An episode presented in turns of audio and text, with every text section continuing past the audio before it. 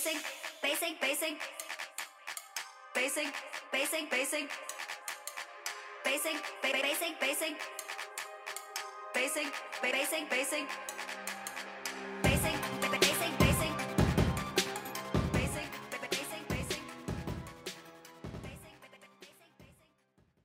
Det här poddavsnittet kommer handla om nyliberalism. Trevlig lyssning. Hej allihop! Eh, Petter heter jag, som sagt. Eh, 28 år gammal, eh, varit aktiv i vänstern och arbetarrörelsen sedan 2005 på massa olika sätt. Eh, studerar för att bli lärare, så. Men ni är inte här för att stå och lyssna på när jag berättar mitt livs historia, tänkte jag. Utan vi ska prata nyliberalism. Eh, och det man ska börja med, som jag vill liksom ha någon slags disclaimer i början när jag ska prata nyliberalism, det är att eh, det är ett jätte, jättestort ämne. Jag har fått höra att jag ska prata i ungefär 45 minuter här. Eh, och att liksom gå igenom allt som någon någon gång har påstått är nyliberalism på 45 minuter, det är helt omöjligt. Så att det kanske finns saker ni tycker att jag missar eller sådär. Det är helt enkelt så, man måste prioritera.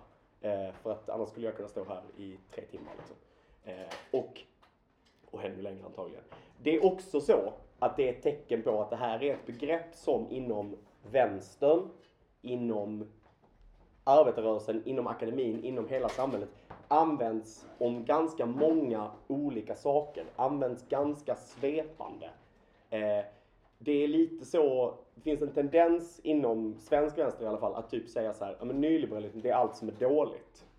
Eh, och så här, vi kan säga så, allt som är dåligt är inte nyliberalism, men allt som är nyliberalism är dåligt. Är ni med? Så. Det kan vara en bra så här start. Eh, jag tänkte att man ska börja med att göra någon slags historisk kontext. Min platta bråkar lite med mig. Eh, jag tänker, tänker att man ska sätta in nyliberalismens framväxt och nyliberalismens frammarsch i någon slags historisk kontext. Eh, det kan vara för att jag är historienörd. Det kan också vara för att jag tycker att det ändå behövs för att man ska kunna förstå den här politiska ideologin eller rörelsen eller vad man väljer att kalla det. Eh, och det man ser är att under efterkrigstiden så är arbetarrörelsen runt om i Europa på stark frammarsch. Vi har en, i hela Västeuropa rättare sagt. Eh, och vi har en starkt organiserad arbetarrörelse, stark facklig organisering ute på arbetsplatserna. Eh, vi har eh, arbetarrörelsepartier som får allt mer ökad andel röster i val och så vidare. Eh, och vi har också låg arbetslöshet. Arbetarungdomar har precis fått tillträde till universitetet där de bidrar till en jättestark radikalisering av studentvärlden och studenterna och hela akademin. Vi har eh, också ett reellt existerande hot mot de västeuropeiska kapitalisterna i form av Sovjetunionen och de realsocialistiska staterna i öst. Eh, och den här kombinationen gör att de kapitalisterna i de västerländska länderna tvingas gå med på förbättringar. Små förbättringar för arbetarklassen. Alla är med så långt. Det är ingen som tycker att det här är en helt skev historieskrivning. Eh, hoppas jag. Ehm, och eh, man, man går med på små förbättringar hela tiden. Det kan man också göra för att man är i en unik ekonomisk situation. Man kan göra det eh, dels för att man tvingas till det, men också för att man kan göra det eftersom att man fortsätter att exploatera tredje världen. Genom den imperialistiska utsugningen så får man möjlighet att kunna ge lite, lite smulor hela tiden till den västerländska arbetarklassen. Eh, men också för att men man märker samtidigt att det kapitalistiska systemet börjar knaka. Man börjar komma till en punkt där de ständiga kraven på ökade förbättringar samtidigt som en ökad mekanisering leder till att profitkvoten faller.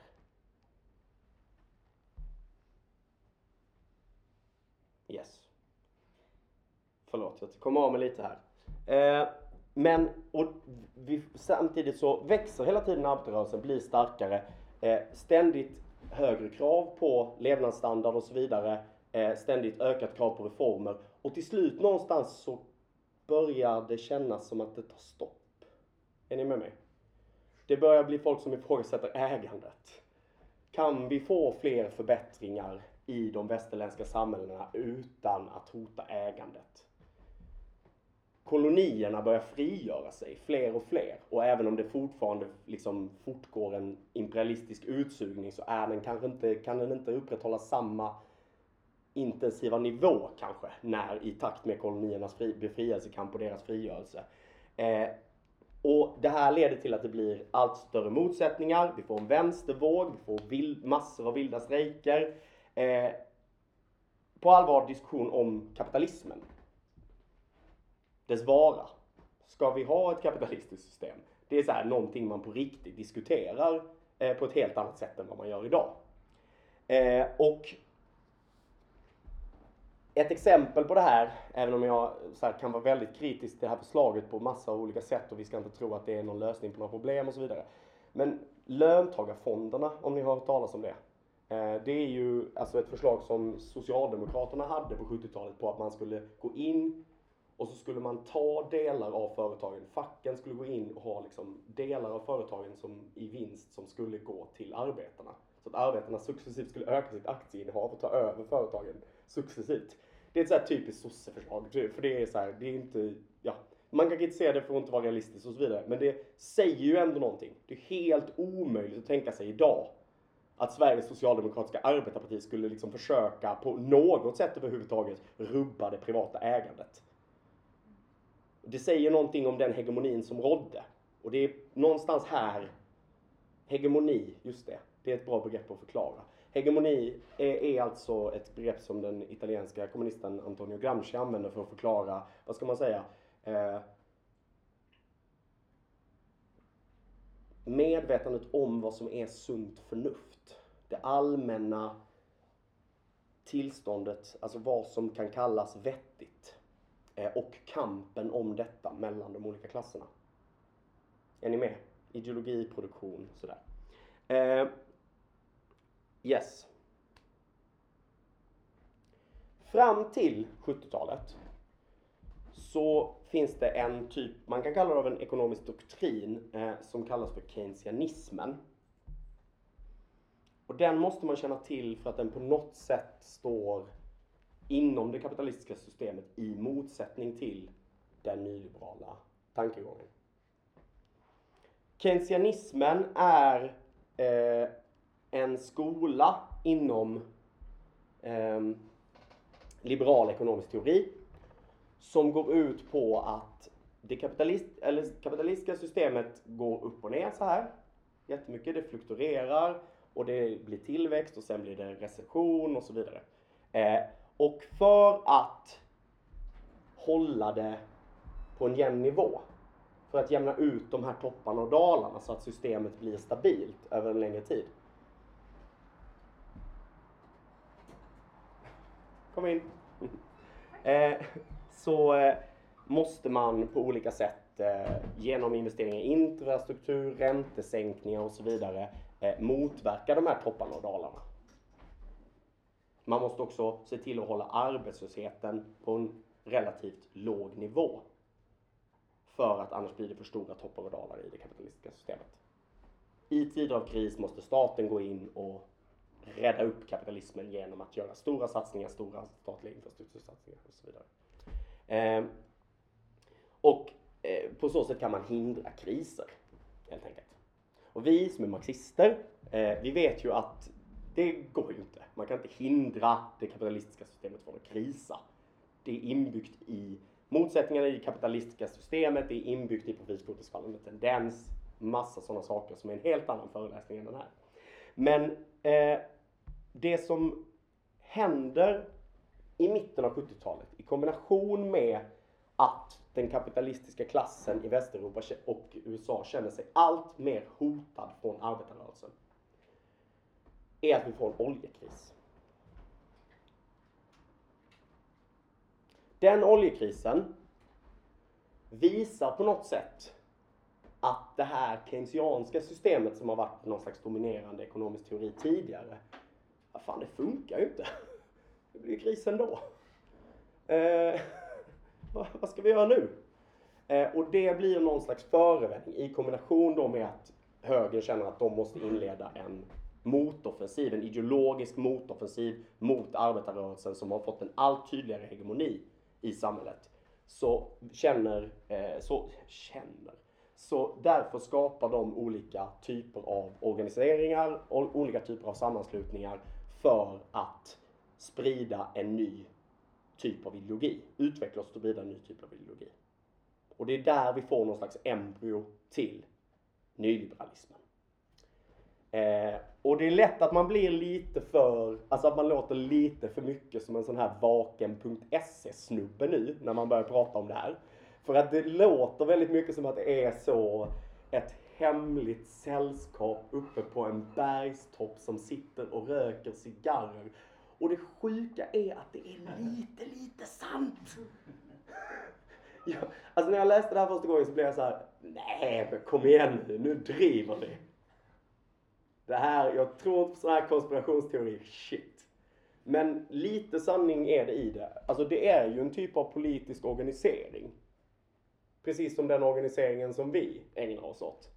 Men det är en politisk organisering från kapitalisterna. Och då blir det ju per definition så att det låter lite som ett hemligt sällskap med kostymklädda herrar som sitter på en alptopp och röker cigarrer. Alltså, men, men det som händer är att ett par levande kapitalister och nationalekonomer har möten och så vidare där man börjar diskutera, där man, man, de har diskussionsgrupper, de har liksom så här tankesmedjor och börja bilda tankesmedjor och så vidare för att pumpa ut den här nyliberala ideologin. Det, det anledningen till att jag drog hela den här historiska kontexten är för att jag inte vill att det ska framstå som att det här uppstår ur tomma intet. Att någon bara bestämmer sig för att eh, förändra eh, hur människor tänker och så gör de det. Utan det finns liksom materiella förklaringar till varför den här ideologiska eh, offensiven kommer när den kommer. Är ni med mig? Mm. Eh, yes. Och den klassiska definitionen av nyliberalism som jag tycker att man ofta lite felaktigt säger om nyliberalismen. Det är att den är så här. Det är en politisk ideologi. Det den vill är att den vill minska all form av statlig styrning till ett minimum. Det ska inte finnas någon stat överhuvudtaget. Det enda staten ska göra är att ha polis och militär. Man ska skydda mot yttre hot. Man ska se till att lagen och äganderätten upprätthålls. Liksom. Eh, så tycker jag ofta den presenteras. Är det någon som har hört den definitionen? Någon som känner igen den definitionen ungefär? Några stycken är det som nickar. Eh, jag skulle säga, och det, det man säger då är att liksom marknaden då den skapas ju av fria individer och den är något slags här naturligt urtillstånd som vi måste så. Eh, och så kopplar man det till, till eh, neoklassisk nationalekonomisk teori. Eh, och det är viktigt att säga att det är inte riktigt samma sak. Eh, nyliberalism, nationalekonomi. Eh, men det är en ekonomisk teori som de hänger ihop, men det är inte samma sak. Och det är en ekonomisk teori som då står i motsättning till keynesianismen där man istället för eh, Alltså istället för att, eh, nu ska vi se, istället för det här med att man ska ha liksom, statliga investeringar som förebygger fluktuationer inom kapitalismen och försöka ha, skapa sysselsättning och så vidare. Så eh, är det helt enkelt så här att allting som produceras, häng med, håll i er nu. Vad som produceras och hur det produceras bestäms av vad man kan få mest marginaleffekter och marginalavkastning. Eh, eh, alltså, jag är inte ekonom, men enkelt uttryckt, marknaden kommer bestämma vad som produceras och vad som inte gör det och det kommer leda till en effektiv, dynamisk ekonomi och så eh, blir det en jättebra sysselsättningsgrad. Allt det där, liksom. det löser sig. För att så funkar ekonomi. Eh, och det leder till balans på marknaden. Marknaden rätar ut sig själv. Det är det som är den stora skillnaden. Är ni med på skillnaden mellan dem? Men och då säger man ungefär så här att eftersom marknaden räknar ut sig själv, det säger den neoklassiska teorin, så är vår politiska ideologi, hävdar då vissa, att den nyliberala ideologin är då att vi struntar i all form av reglering. Jag skulle hävda att det inte riktigt är sant. Att det inte är det som är nyliberalismens kärna. Det här med all, avreglering av all form. Jag skulle säga att det är inte avreglering, det är omreglering. Och det, ni kommer förstå varför det är viktigt. Eh, för att även om liksom Milton Friedman, som kanske är den absolut mest kända och framstående eh, av de här nyliberala nationalekonomerna. Han kunde liksom sammanfatta sina eh, tankar i väldigt enkla slagord som var typ så. Marknaden är bra, staten är dålig. Det var hans slagord. Eh, och det var ju ofta sådana tankegångar som man fick höra även från Thatcher och Reagan som ju på något sätt har blivit po- de politiska symbolerna för början på neoliberalismen eller nyliberalismen. Eh, så skulle jag ändå inte säga att det är riktigt, riktigt sant. Eh, för att även om neoliberalismen, nyliberalismen alltid uttalar staten som fienden. När de målar upp sin fiendebild, då är det staten som är fiendebilden.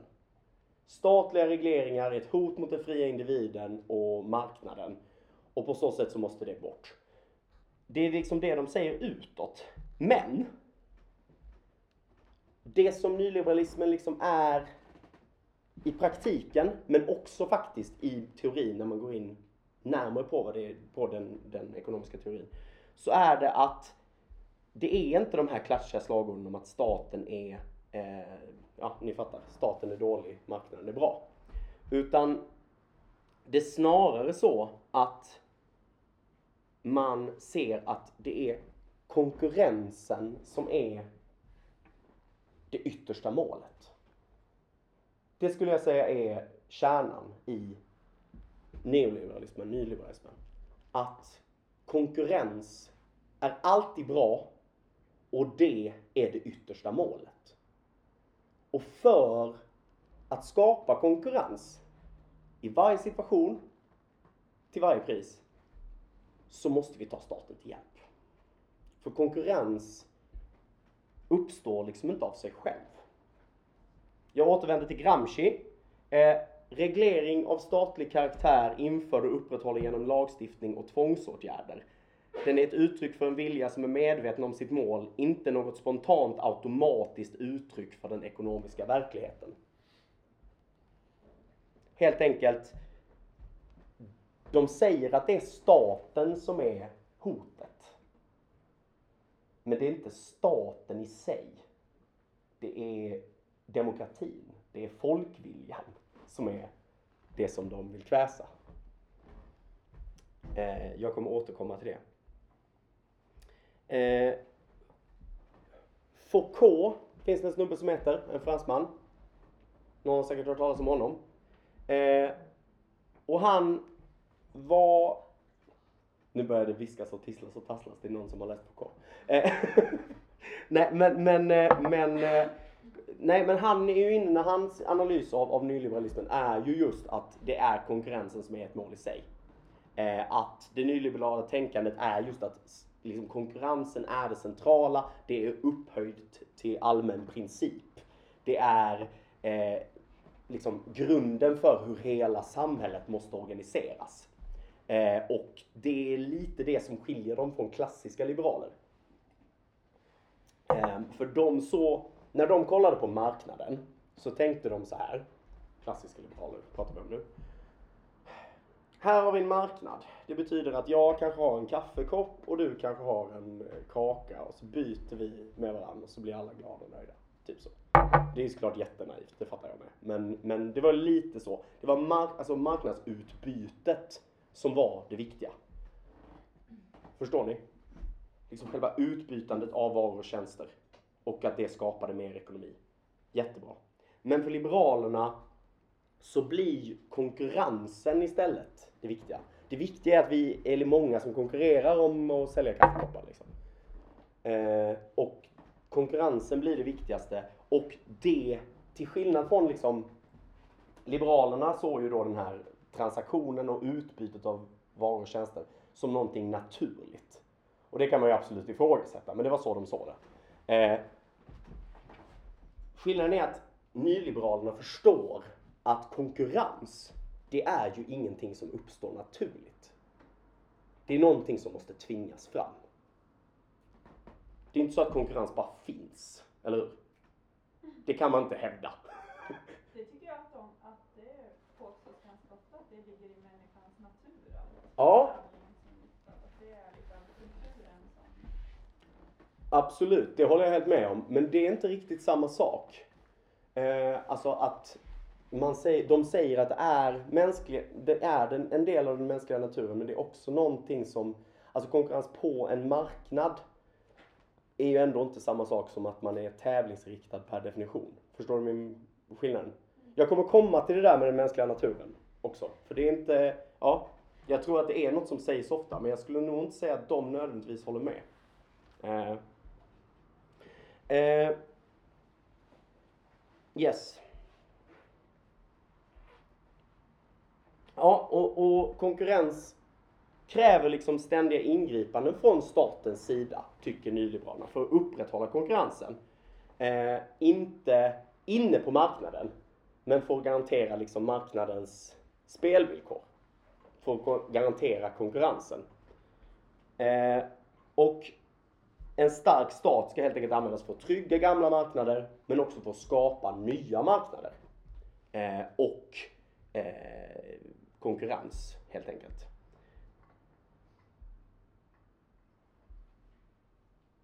Yes. Och den här bilden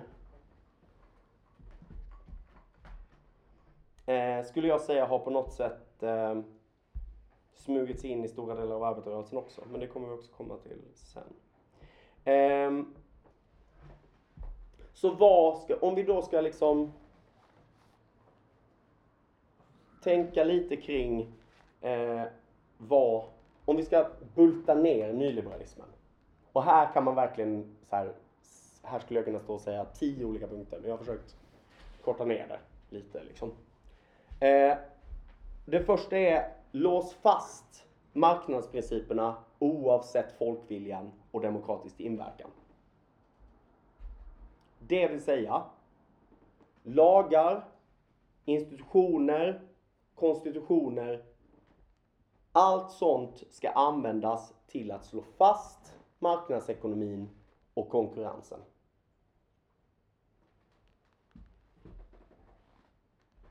Är ni med på skillnaden? Det är inte så att de vill avreglera och ta bort och tänker att marknaden ersätter om vi inte har några lagar. De vill skriva lagar om att vi måste ha konkurrens. Förstår ni skillnaden? Mm. Eh, man vill använda sig av staten, dess lagar, dess konstitutioner till att slå fast att så här, den här ekonomiska politiken ska föras. Inte avreglering, omreglering. Eh, exempel har vi ju till exempel eh, i Sverige, lagen om offentlig upphandling. Eh, kanske någon som känner till den. Eh, det är en lag som reglerar hur eh, kommuner, eh, landsting, stat och så vidare, eh, hur man köper in eh, eller upphandlar om då varor, tjänster. Ta eh, Skånetrafikens tågtrafik. Vilka ska få köra den? Eh, det är ju landstinget som har hand om det liksom. Som har hand om vilka som ska få köra vår tågtrafik i Skåne. Eh, då lägger man ut och säger så här, åh vilka vill köra den? Ge oss ett bud. Och då är det ju fastslaget i lagen om offentlig upphandling och genom rättspraxis att det lägsta budet vinner. I praktiken är det så. Lägsta budet vinner. Man får ställa massa kontrollkrav. Men även om du misstänker att den här uppköparen, han säger att eh, han kommer köra tågen för, eh, liksom, för 200 spänn. Det kommer aldrig gå. Det kommer att bli förseningar, det kommer bli, och det kommer sluta med att det blir ökade kostnader. Det kommer inte funka att upprätthålla en, en rimlig nivå på servicen. Eh, eller så kommer han behöva betala jättedåliga löner eller bla bla bla. Ni fattar. Eh, du måste kunna bevisa att det är så för att säga nej till den upphandlaren. Det är fastslaget. Lägsta budet vinner. Det är ett utmärkt exempel, ja. Är det också så att de måste annonsera ut över hela EU? Ja, precis. Exakt, jag skulle komma till det. Men absolut, jättebra. Eh, man måste annonsera ut över hela EU. Det är ju en del av den fria rörligheten av varor och tjänster genom EU. Liksom. Eh, eh, precis, det är också en del av lagen om offentlig upphandling. Och det, men det här är ju på något sätt det ultimata beviset, tycker jag. Liksom, för att man, man, det är inte bara så att man tar bort lagstiftning, man använder lagstiftningen för att fastslå en viss ekonomisk politik. En politik som gynnar de redan rika och besuttna. En politik som gynnar företagen på arbetarklassens bekostnad. Ehm, och ja, helt enkelt, innan, tidigare kunde man säga nej till sådana här saker. Liksom. Ehm, men det kan man inte längre, för då är det olagligt. Ehm, punkt två. Använd staten för att skapa marknader, skapa marknader med ny konkurrens. För som sagt, marknader är inget som uppstår av sig själv, det är aktiva politiska beslut eh, och man kan till och med, skulle jag kunna säga, nu går jag out on a limb here här lite, men jag skulle kunna säga att alltså det är en nödvändighet att med hjälp av politiska beslut skapa nya marknader för att kapitalismen ska kunna överleva. Eh, för att eftersom att liksom kapitalismen ständigt strävar mot monopol eh, så gör ju det att det blir väldigt höga ingångskrav på marknader som, är, eh, som har funnits länge. Ta bilindustrin till exempel. Eller eh, bensinmackar eller något sånt. Det är inte så att man bara kan komma in och starta en ny bensinmack. Det funkar liksom inte. Eh, för, utan istället så går det mot att vi bara får färre och färre bilmärken, färre och färre bensinmackar. För det krävs så ofantliga mängder kapital för att starta någonting på den marknaden. Eh, medan om du tar liksom i början av 1900-talet så fanns det ju hur många bilmärken som helst. Alltså så här, det fanns liksom hundratals olika bilmärken. Och hur många bensinmacksmärken som helst också. Och eftersom att liksom den här eh, Eftersom att det hela tiden sker så på marknader att de hela tiden blir mer och mer monopolinriktade ju längre de finns så behövs det hela tiden skapas nya marknader. Förstår ni? Och då, ja, det är ju det som Lenin snackar om i, i när han pratar om eh, imperialistisk expansion. Då säger han liksom att eh, ha, eh, ett sätt att göra det är ju för eh, de kapitalistiska länderna att helt enkelt bara invadera ett annat land så skapar man en ny marknad där. Eh, det är ganska smidigt. Eh, och det görs ju än idag. Eh, men ett annat sätt att göra det på, det är att göra som vi har gjort på hushålls, med hushållstjänsterna i Sverige.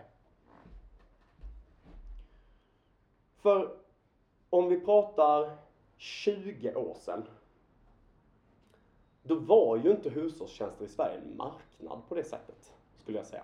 Det är klart att det fanns en liten, liten tusendel kanske av befolkningen som eh, redan då hade typ så städerskor hemma eller något sånt. Men för den absoluta majoriteten av befolkningen så var det inte, och det är det ju fortfarande inte. Men alltså, det är fort, det är fortfarande så att det har, genom att man har infört RUT till exempel, så har man skapat en ny marknad på ett område som tidigare inte var liksom, tillgängligt för marknadskrafterna. Förstår ni vad jag menar? Man expanderar, skapar nya marknader där de alltså från början inte fanns. Och det är ju aktiva politiska beslut. Det är inte så att det är alltså, något som uppstår naturligt. Det är aktiva politiska beslut som ska, för att skapa nya marknader. Och då spelar det liksom ingen roll att det här är varken liksom att det bara är en, en ganska liten grupp i samhället som, som liksom gynnas av det eller att det är rent samhällsekonomiskt vansinne att man kunde ha lagt de pengarna på att skapa jobb i offentlig sektor och fått mycket fler jobb för pengarna. Sånt spelar ingen roll för det är inte det som är det viktiga. Det viktiga är att vi skapar en ny marknad och då skapas det ny konkurrens och det är konkurrens som är det viktigaste. Så. Eh. Sen gör man också för att skapa de här nya marknaderna så gör man på ett väldigt klassiskt sätt. Man skär ner för att skapa en anledning till att omreglera. Det har vi sett med den svenska skolan. Som under slutet av 80-talet, början av 90-talet fick genomstå massiva nedskärningar. Kvaliteten på skolan försämrades såklart. Det blir ju ganska naturligt. Om man skär ner jättemycket i en verksamhet så kommer den att bli sämre. Eh, och, som resultat för det, eh, och som resultat av det så gjorde man så att man införde den så kallade friskolereformen. Och friskolereformen skulle jag säga är ett perfekt exempel på eh, neoliberalismen ännu en gång. Eh, för att dels så skapar man en marknad med rationella subjekt. Det vill säga alla som ska gå i skolan, du måste välja skola. Och du har inget val. Även om du säger så här, ja men jag vill ta väl den jag tilldelas, så är ju det också ett val. Det betyder att du kan alltid beskyllas för att ha gjort fel val. Det betyder också att skattebetalarna går in och betalar för att privata företag ska göra vinst. Det är ju perfekt för kapitalismen. Det är liksom inte bara att kapitalisterna att de får en ny marknad, det är också så att staten hjälper dem med den här marknaden. Staten går in och upprätthåller den här marknaden och ger dem massor av kunder som, de, som måste gå i skolan. Det är ett perfekt exempel på hur staten och kapitalet sitter i samma båt. Får citera på grann. Eh, Yes. Vi pratade om EU innan. Det ska vi återkomma till nu. Använd internationella institutioner för att hindra länder som vill något annorlunda. Straffa de som bryter mot den nyliberala politiken. För det är ju det här som är problemet med demokratin. Att det, alltså, även om vi, så, den borgerliga parlamentariska demokratin har väldigt många brister.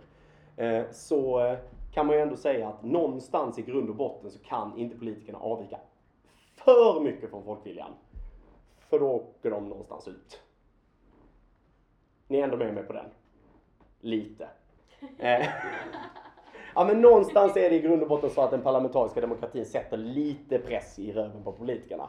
Genom att de inte kan göra precis vad de vill. För att det finns någon slags folkvilja, protester och så vidare som kan tvinga dem till att ta vissa beslut.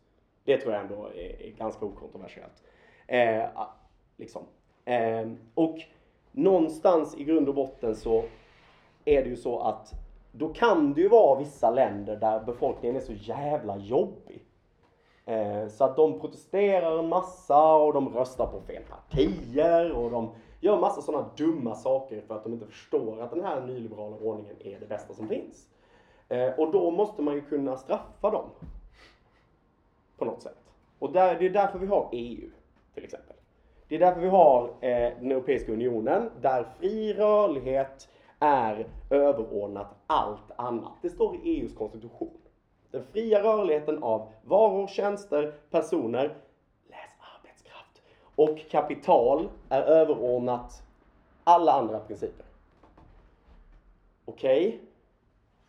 Det innebär ju i praktiken precis det som du var inne på innan, att, eh, Elinor, att det är så att Eh, i ett medlemsland som Sverige till exempel, så måste lagstiftningen, den får inte gå emot de här principerna helt.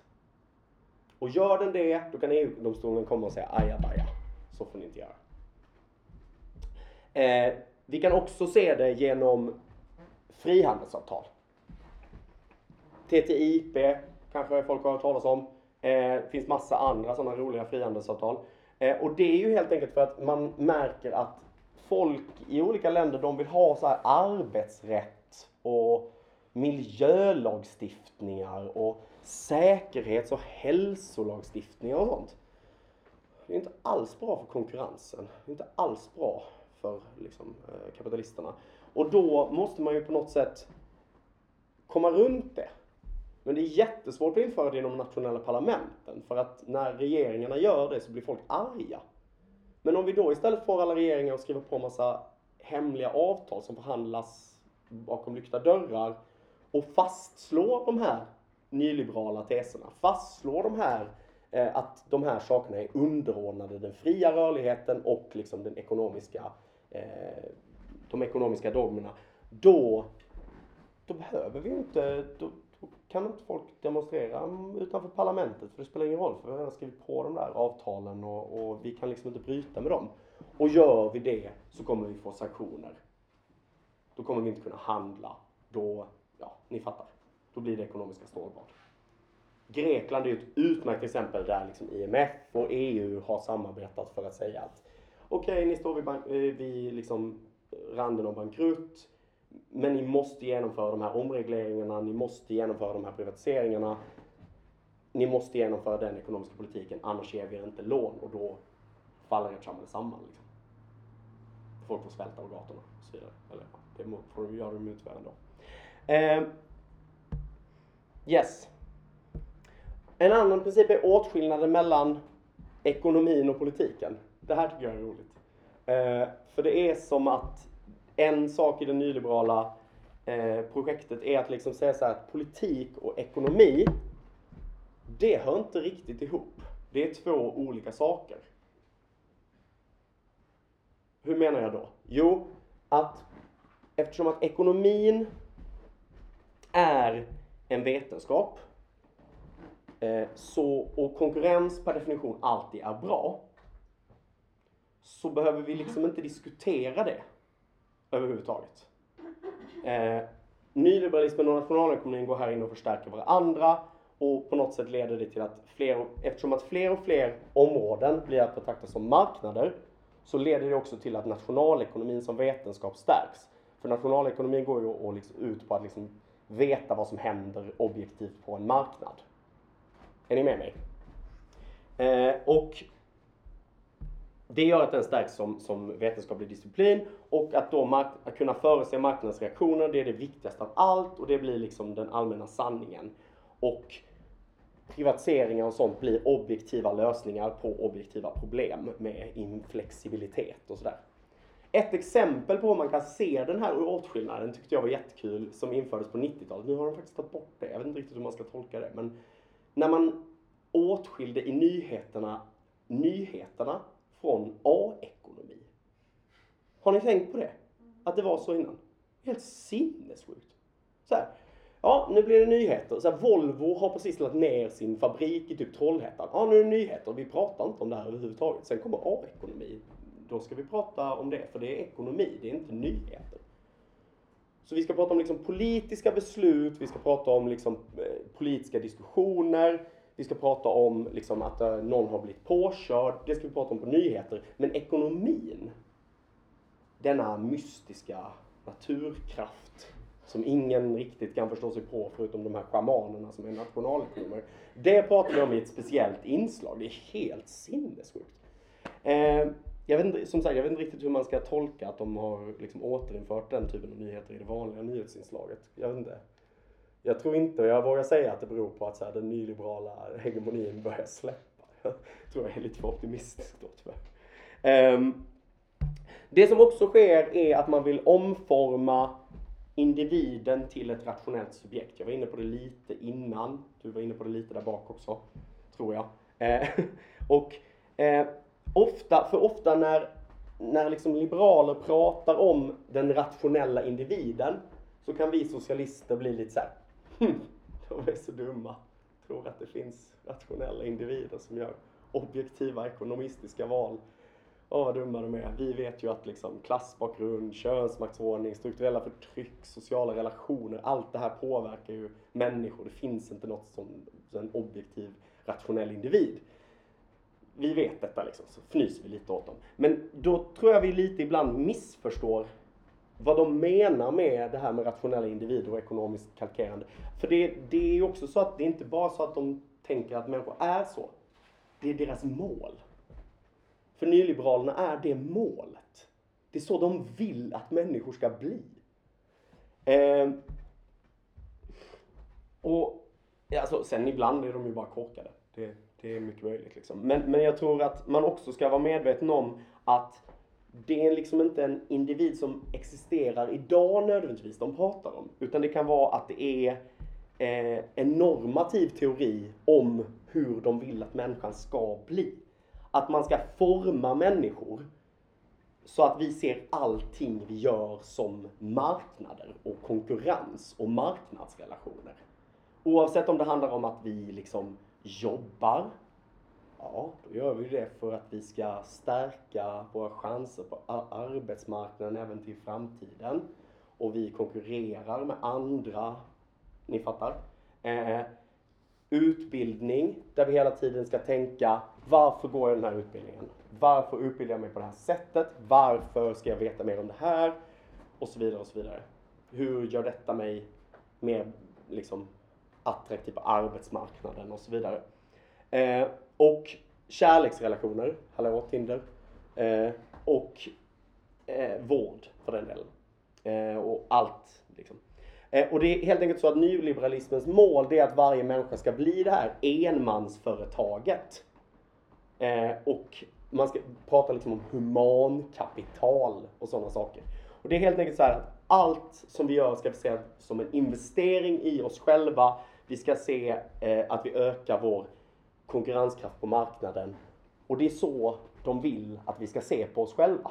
Som, ännu en gång, rationella subjekt. Som styrs av ekonomiska kalkyler. Vad får jag för fördel av den här utbildningen? Jo, den kan göra så att jag får ett jobb. Eh, ja, ni fattar. Väldigt förenklat. Eh, den rationella individen är helt enkelt den nyliberala formen av Che Guevaras nya människa. Che Guevara pratar ju om att så, eh, den kommunistiska människan måste omformas. För att vi ska kunna bygga kommunismen så måste eh, man omforma människans tankesätt och hela människors sätt att vara i förhållande till varandra i sociala relationer. Ungefär så är det med nyliberalerna också. Skillnaden är att de håller på att lyckas. Eh, och sist, arbetslösheten som ett egenvärde. För det tycker jag ändå är en väldigt stor skillnad gentemot den keynesianska politiken. Eh, och det är just det här med att arbetsmarknaden på ett så tydligt sätt ska bli en marknad, precis som allt annat, och det ska bli ökad konkurrens. Och då kan vi inte längre ha det som keynesianismen i vissa delar av världen, i alla fall Sverige till exempel, eh, ändå kännetecknas av. Det vill säga full sysselsättning som mål. Man hade ett mål om full sysselsättning. Man satte sysselsättning före inflationsbekämpning till exempel.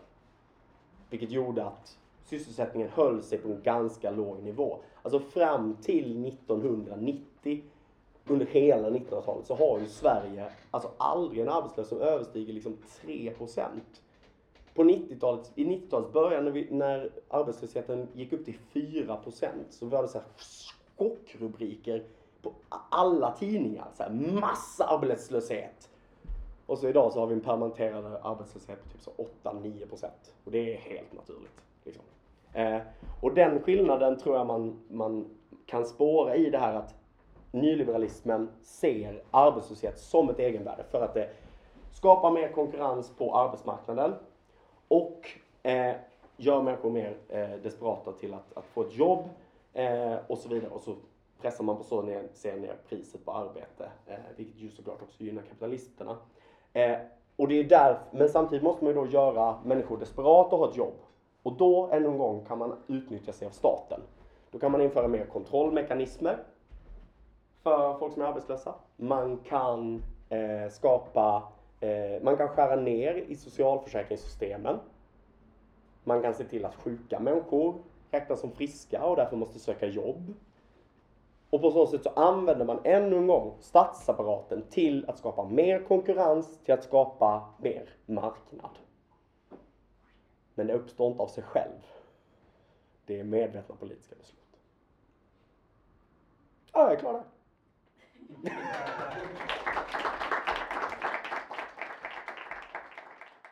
Nästa poddavsnitt kommer handla om teoretikern Judith Butler. Vill ni ha mer information om Amalthea Bokcafé och vår föreläsningsserie Basic? Like oss på Facebook, följ oss på Instagram och Tumblr, men framför allt, besök oss på kaféet. Våra öppettider är måndag till torsdag 16 till 19. Tack för att ni lyssnade.